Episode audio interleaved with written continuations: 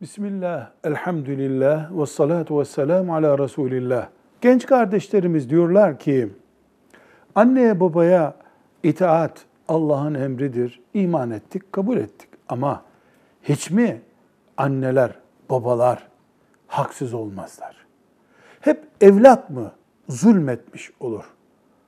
Hep evlat mı kabahatli olur? Hiç mi baba, anne, kıyamet günü suçlu durumda olmayacak.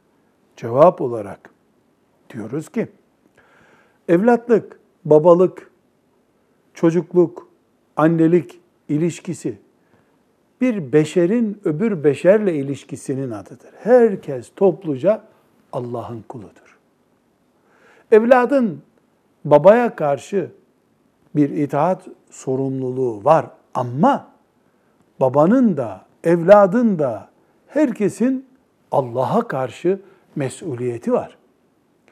Dolayısıyla baba evladın ona itaat etmesiyle nimetlendirilmiş birisidir. Ama o nimetin yani evladı idare etmenin, evladın ona itaat etmesinin sağlanmış olması hesabı sorulacak.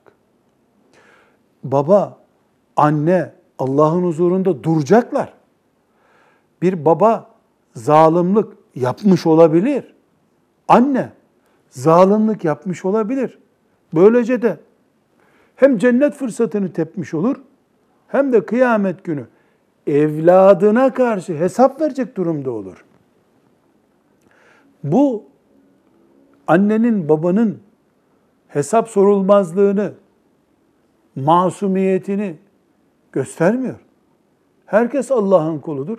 Kur'an-ı Kerim evladın anne ve babadan, anne ve babanın da evlattan kıyamet gününde kaçacağını söylüyor. Neden? Herkes birbirine hak hukuk verecek. Peki burada evlat ne yapmalı? Şunu yapmalı. Baba zalimdir. Kararını kendi duygusallığı ile vermemeli. Aklı başında, reşit, ilmine, dinine, ahlakına güvenilir birisine, mesela bir amcaya, bir dedeye durumu izah etmeli. Eğer üçüncü bir kişi, bu baba zulmediyor, bu anne zulmediyor diye karar veriyorsa, evlat masum olduğunu anlamış olur. Hatasız olduğunu anlamış olur. Buna rağmen onu kıyamet günü haklıyken haksız duruma düşürmeyecek şekilde davranır anneye babaya karşı mesafeli durur, saygısında kusur etmez ama zulmede elbette boyun eğmez. Velhamdülillahi Rabbil Alemin.